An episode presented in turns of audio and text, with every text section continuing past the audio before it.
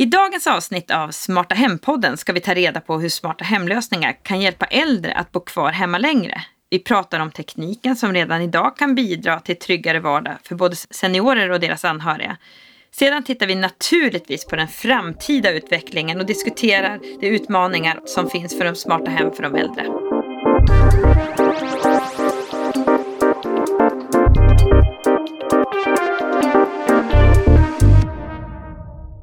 Välkomna till Smarta Hem-podden. Här tar vi reda på vad som ryms inom begreppet smarta hem. Vi tittar vad som finns på plats nu och i Sverige och i världen.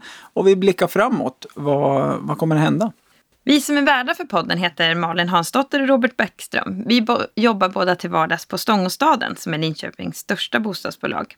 I varje avsnitt så har vi reportrar som dyker ner i ämnen för att ge oss en bättre bild av hur det ser ut. Idag har vi Josefin med oss. Välkommen Josefin!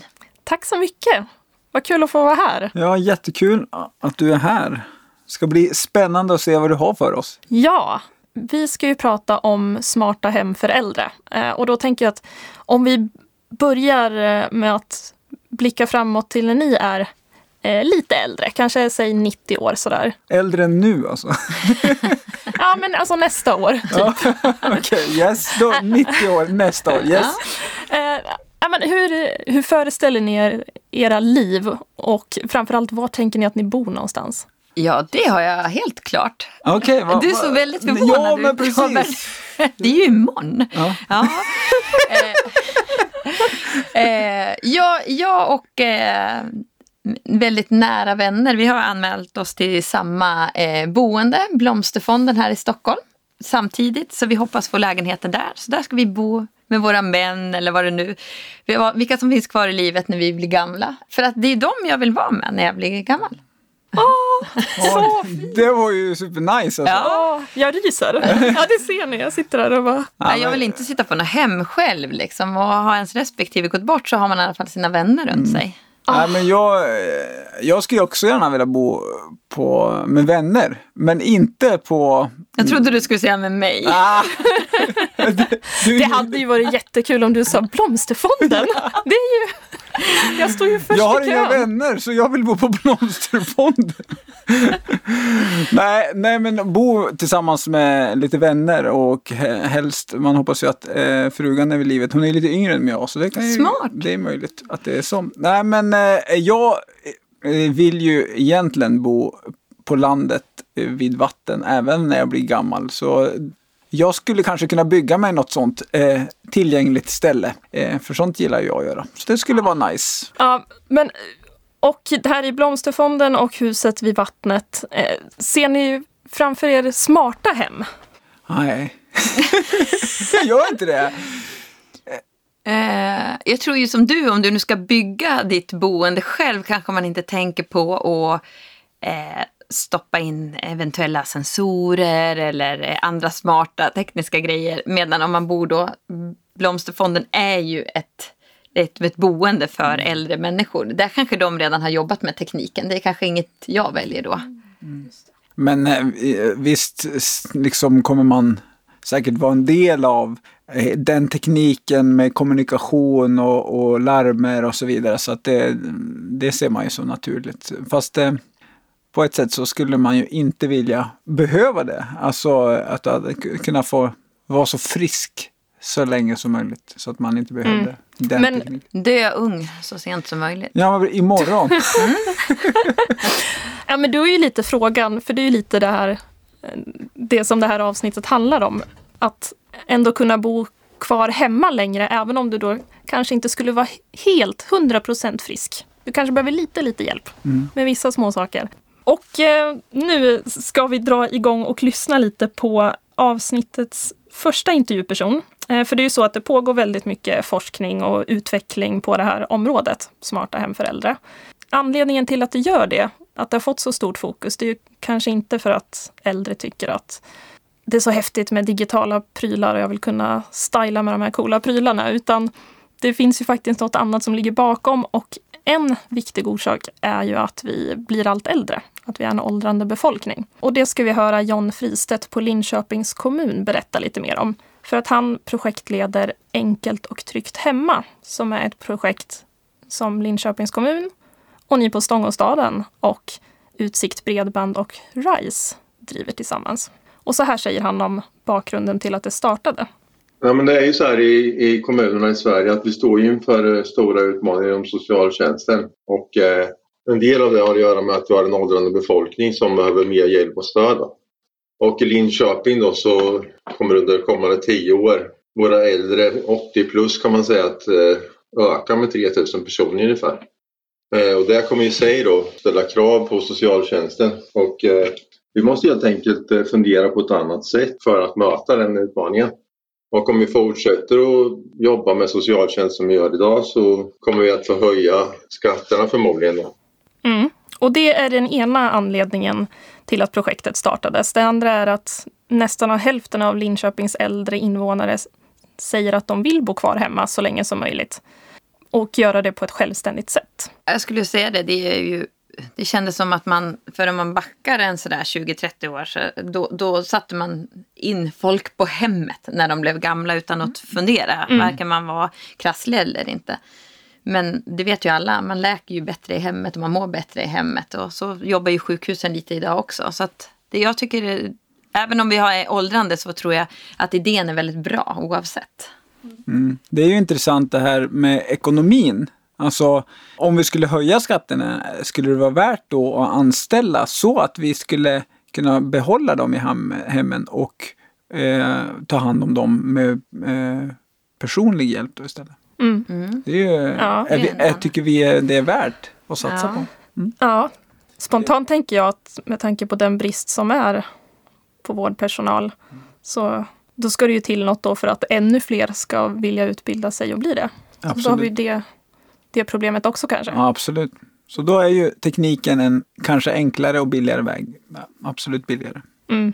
Det här projektet då, Enkelt och tryggt hemma. Eh, jag vet ju att det börjar med att man som man alltid gör i projekt. Man tar reda på förutsättningarna och behoven och så som, eh, som finns. Och då har man ju såklart pratat med målgruppen, alltså 70-plussare i Linköping som fortfarande bor hemma.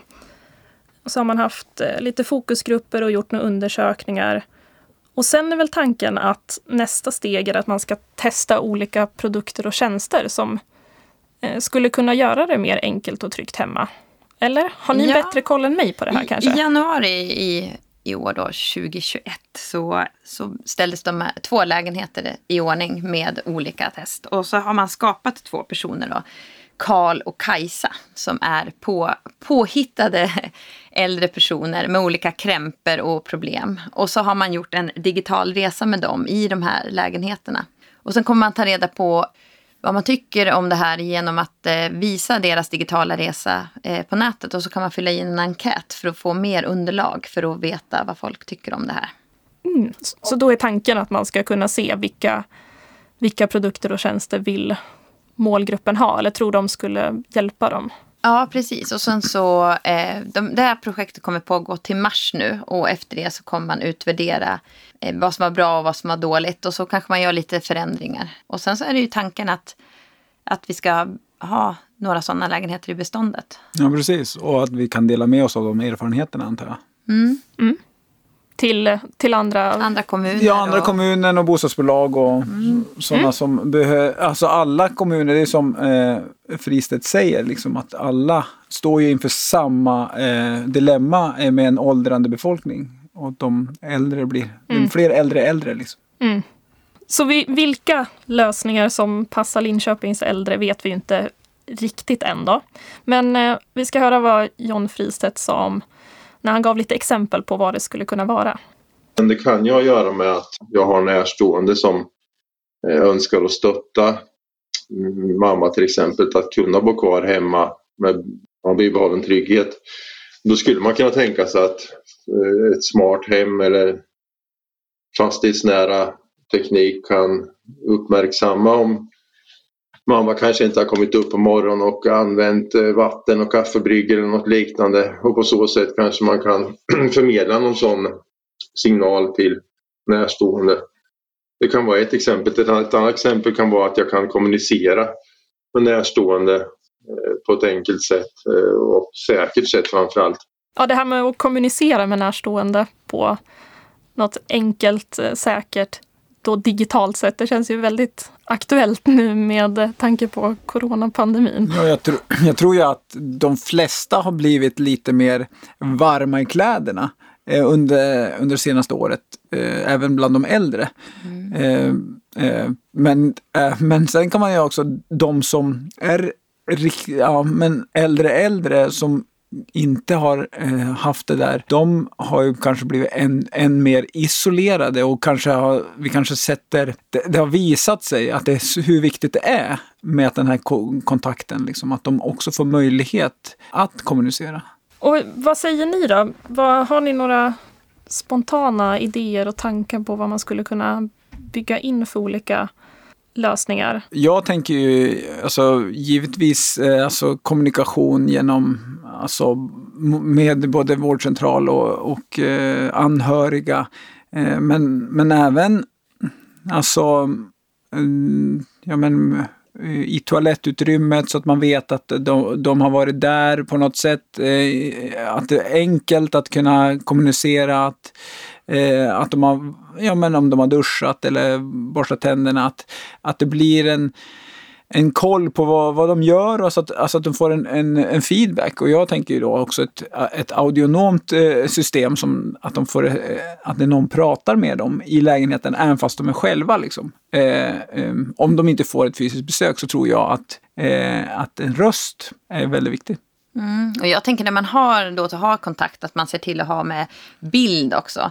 Att någon säger, äh, men jag är okej. Okay. Och sen så får man se en bild så ser man, nej men du är ju inte alls okej. Okay. Att det, det, ska finnas en, en eh, dialog där också. Man mm. kanske ska min, om man nu ska sköta mycket digitalt så ska man i alla fall se varandra på något sätt tycker jag. Mm. Ja, båda parter. Ja, ja precis, mm. båda parter. Mm. Så att de får en, en person att eh, förhålla sig till och man ser hur de faktiskt mår. Men sen är det ju som du säger, det är ju jättebra med det kan ju vara en signal att eh, nej, men din eh, mamma har inte klivit upp ur sängen idag. Nej, hon kanske valde sovmorgon och ligger och läser tidningen. Mm. Eller så kanske något har hänt. Mm. Då är det ett samtal bort och ringa och bara, är du okej? Okay?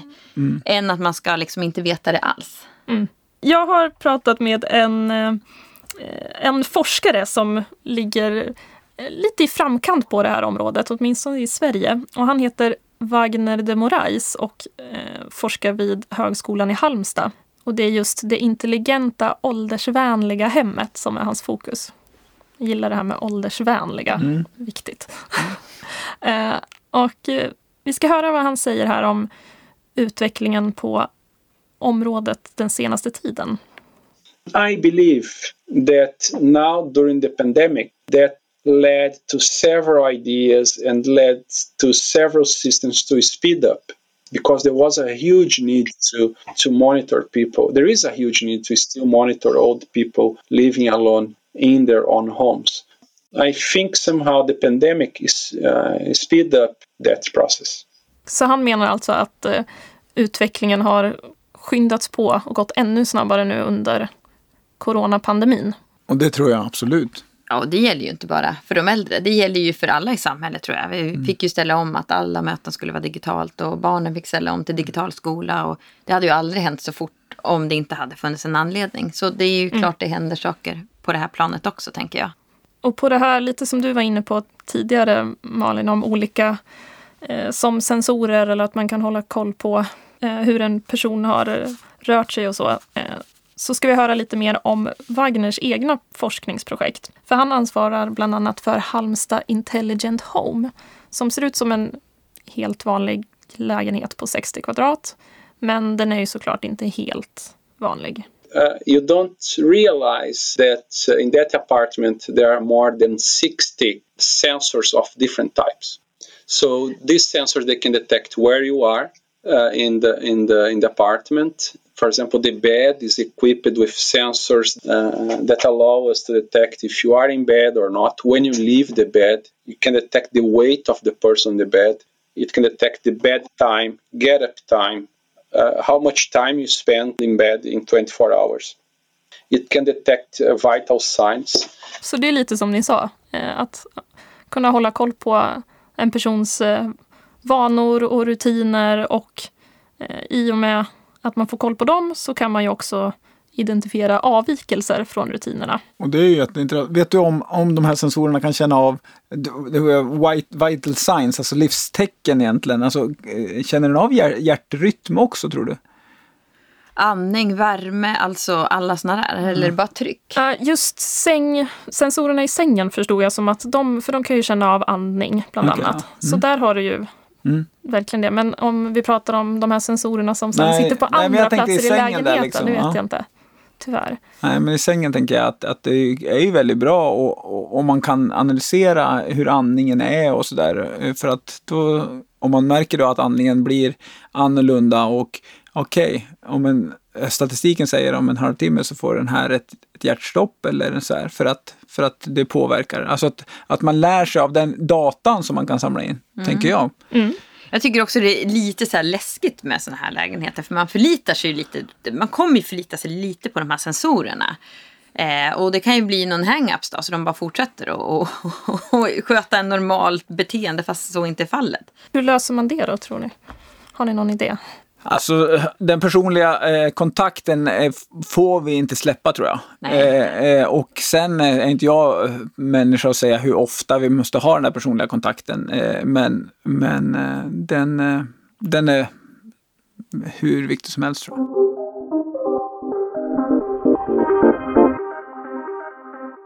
Nu sitter ju vi och, eh, som vi sa, vi sitter och spekulerar lite. Vi vet Va? ju faktiskt Va? inte vad, vi vet ju faktiskt inte vad de äldre själva eh, kanske tycker och tänker om det här. Eh, och eh, därför har vi såklart pratat med en eh, senior också. Eh, och det är närmare bestämt en bloggande senior som ska få presentera sig. Jag heter Marja Granqvist. Jag är 77 år gammal, bor i Umeå. Eh, Ja, jag har bloggat i eh, oj, 13-14 år tror jag nu. Marja, en riktig digital pionjär ändå. Ja, det är ju inte så många som har bloggat i 13-14 år ändå.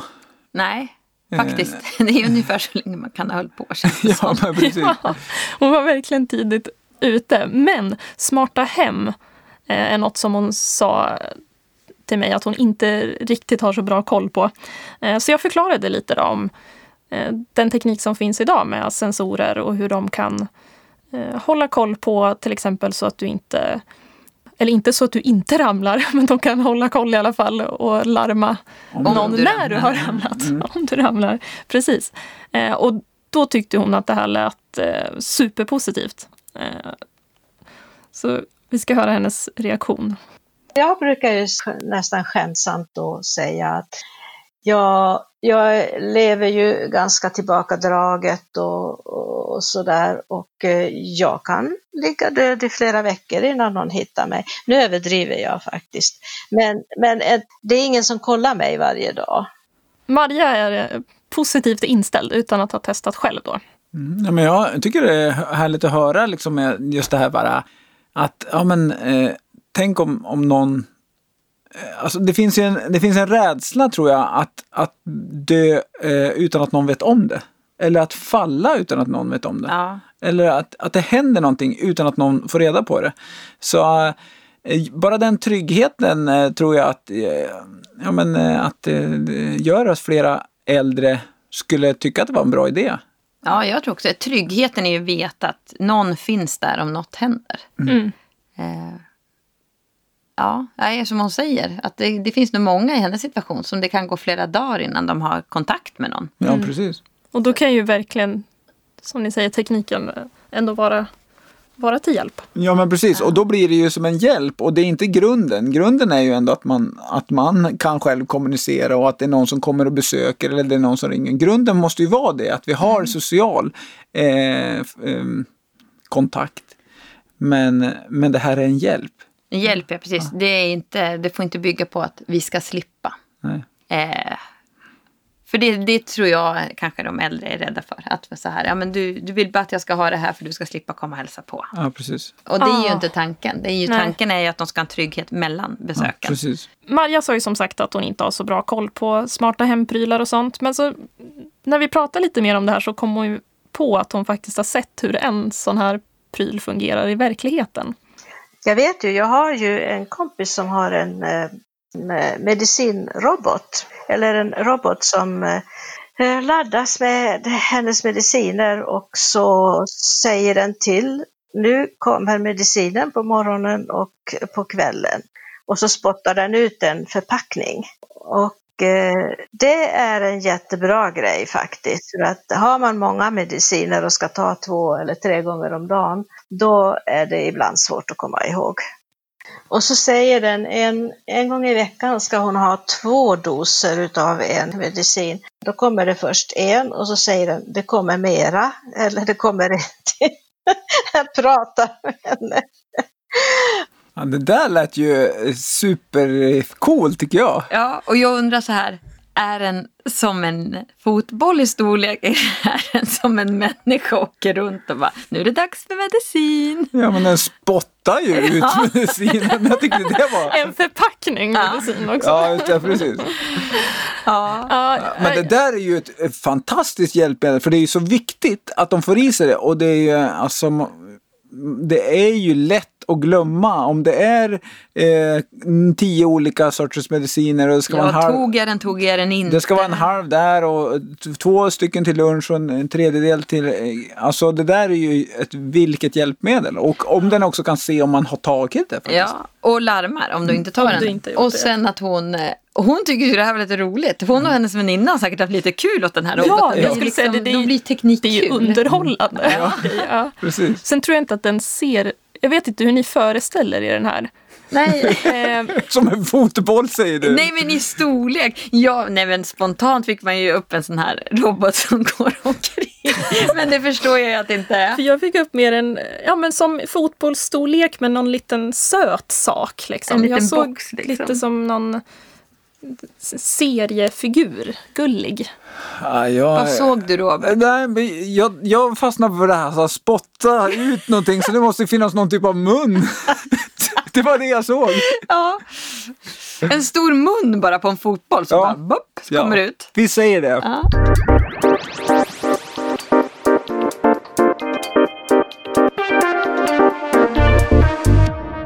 Vi ska ju prata om att eh, det såklart finns lite utmaningar med eh, smarta hem för äldre. Vi har varit inne på några av dem och Marja, Maria, hon är ju själv väldigt digital, men hon nämnde ju bland annat det här med att, eh, att eh, många äldre befinner sig i ett digitalt utanförskap eh, och kanske inte har anammat ny teknik och om det då är prylar som kräver att de liksom använder dem, om det inte bara är automatiska lösningar, så kan det liksom vara ett, eh, ett hinder. Och jag vet inte, vad tror ni där? Men jag tänker det finns ju den här, det finns ju telefoner som har jättestora knappar och bara har funktion att kunna ringa och lägga på. Det borde ju finnas jätteenkla skärmar egentligen med bara en grön och en röd knapp och trycker du grön så, så ringer du då den man har sagt in att den ska ringa. Det borde kunna gå att göra ganska enkel teknik om man har svårt för tekniken. Ja, jo, men jag tror också att den här användarvänligheten eh, tror jag är ganska lätt att bygga upp. Eh, Sen, jag tror att vi, kom, vi lär oss mer och mer om det liksom och, och att eh, den här röstfunktionen också, liksom att man kan prata med den och eh, att man kan eh, säga vad sa du och den säger om eller den, den textar meddelandet eller någonting. Så jag tror att användarvänligheten eh, kommer öka väldigt mycket, vilket gör det lätt för dem. Men, men det här med touchfunktion, bara det eh, kan ju vissa eh, ha svårt för. Eh, liksom, ba, vi vet ju det när vi har eh, touchfunktion på spisar till äldre. Att de har så kalla fingrar att de, får inte de, de re, reagerar inte. Så, så att det, det är sådana utmaningar som, som Ja, jag och en del tror. kanske inte orkar trycka på en knapp. Alltså det kan ju Nej. vara sådana, det, ja. Ja. Men viktigt att ha med sig ändå då i utvecklingen, att det ska vara an- användarvänligheten. Ja, Och kanske kunna gå att använda på många sätt. Alltså både kunna trycka igång eller prata eller vad du vill. ja, Ja. men precis. Eller som sagt att det bara sköts automatiskt. Ja, men tycker precis. jag låter väldigt Mm. bra. Det är lite- Kanske inte alla prylar kan fungera så, men ja, sensorerna håller koll och så larmar de om något händer. Ja, men precis. Ja, och en annan utmaning som finns med smarta hem för äldre, det är ju integriteten. Som vi pratar om i väldigt eh, många ämnen när, Mm. nu när det handlar om smarta hem. Känns det som att man alltid kommer till det här med integriteten, hanteringen av data och kanske känslig data. Och eh, forskaren eh, Wagner de Moraes, han märkte till exempel när han utvecklade den här smarta sängen som han berättade om, eh, som då samlar in ja, olika typer av känslig data. Eh, Att det finns många regleringar och det finns eh, etiska frågor du måste ta lite ställning till. eh, Och dessutom är ju många produkter eller tjänster för smarta hemmet, de är ju molnbaserade också. Så du kanske inte riktigt vet exakt var den här informationen tar vägen. the bed that uh, I built it has sensors that allows you to detect heart rate when you are in bed, respiration, uh, and even uh, sexual activity. Right. So, do you want that information to go to the cloud? Maybe not. Uh, there is a trade-off between privacy and safety. Right. If you feel safe, maybe you give up a bit of privacy. Det där är ju alltid en fråga, men alltså om man pratar om sexuell aktivitet, jag menar är man äldre, äldre och fortfarande har ett aktivt sexliv så jag menar, Lyckodom, Ja. säger jag. det är ju suveränt. Sprid liksom- datan. Och, och det kändes ju som när vi pratade med Marja också, liksom om, och det skulle vara bra om någon eh, såg att jag gick på toan. Alltså, de är inte så knussliga, tror jag. Eller så, jag tror inte jag kommer vara det heller. Nej, nej, det kan väl... Jag kanske inte mina barn vill se att jag som 90-åring har sex då, men det får de ta. Nej, det vill de ju inte nu heller. Nej. jag tänker att det kanske känns ännu värre när man är 90, men jag vet inte.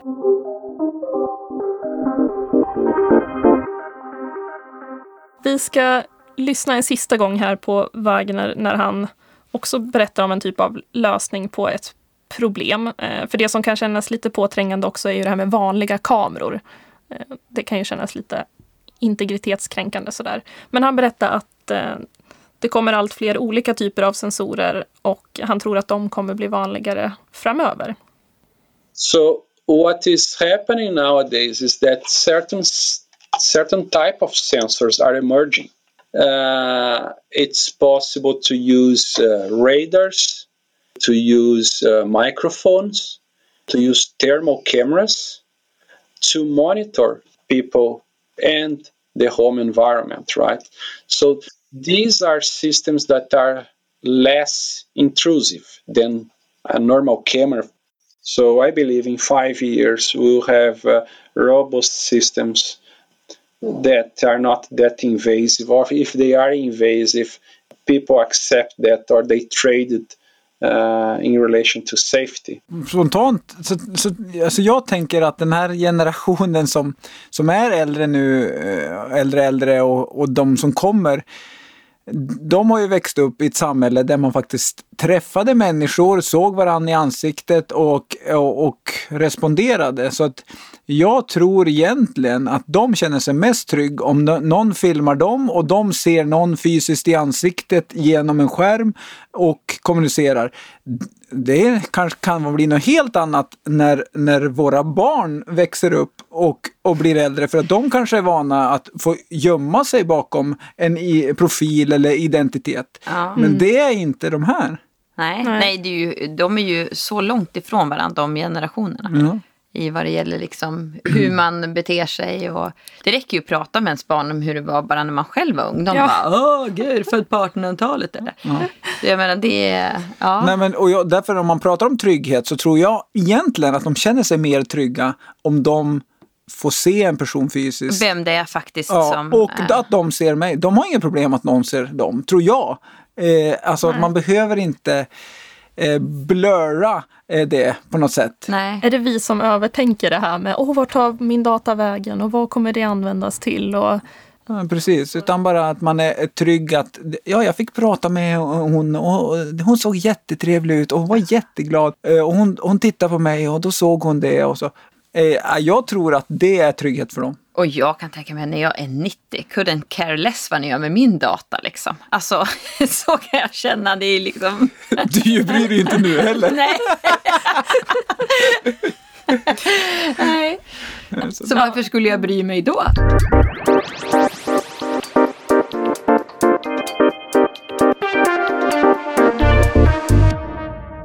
Alltså jag, det, det jag tar med mig mest tror jag, det är den här eh, medicinbollen höll jag på att säga. Medicinboll är ju Roboten. Ja, annat. robot, alltså jag tycker att den var så smart och jag, liksom, jag tycker, uppskattar ju liksom att Maria och hennes väninna eh, ja, men tycker, tycker att den är rolig, den är eh, funktionell och praktisk. Och vilket hjälpmedel! Ja, jag tänker man kan överföra det till andra saker. Det behöver inte vara just medicin. Alltså ha någon och...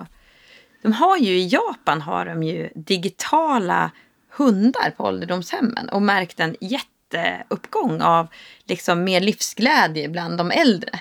Och det är ju också en robot, men den är liten och söt och kommer att prata med dem och liksom... Eh, så ja, ja.